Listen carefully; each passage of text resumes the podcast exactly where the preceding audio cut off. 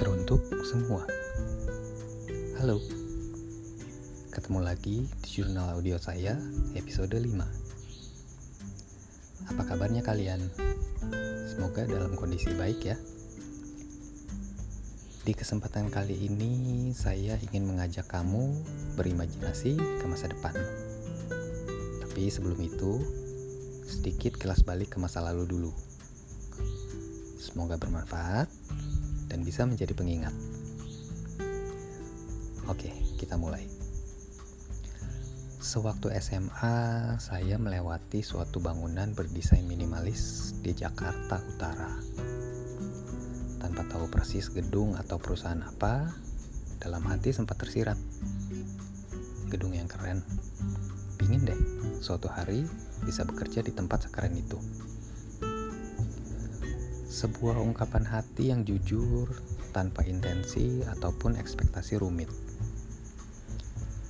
sespontan dan sekasual itu kejadiannya hingga kemudian hari, bulan, dan tahun pun berjalan normal seperti biasa, seolah tidak terjadi apa-apa. Pada tingkat akhir kuliah, saya sempat menggantikan teman saya menjadi pekerja freelance dalam suatu event. Ketika event selesai, datang kepada saya tawaran untuk mengisi posisi penuh waktu yang segera kosong di perusahaan penyelenggara. Merasa cocok dengan dinamika dan rekan kerja selama event berlangsung, saya setuju untuk menjalani proses wawancara.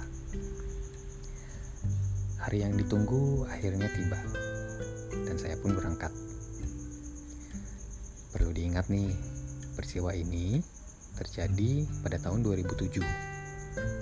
Jadi, belum ada Google Maps, dan hanya berbekal alamat serta panduan lokasi yang diberikan pewawancara. Perusahaan tersebut berlokasi di Jakarta Utara. Tidak ada yang aneh ya dengan hal ini. Yang luar biasa adalah kantornya terletak di suatu gedung berdesain minimalis, persis bangunan yang empat tahun sebelumnya saya lewati saat doa singkat terucap.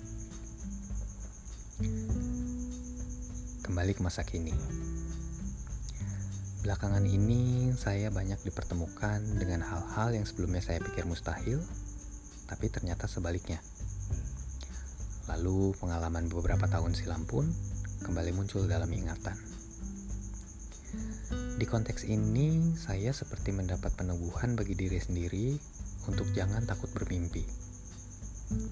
Kita semua punya kesempatan yang sama untuk mewujudkan semua mimpi-mimpi kita. Selama itikat kita baik, tanpa merugikan sesama, percayalah Tuhan mendengar doa kita untuk dikabulkan menurut waktunya.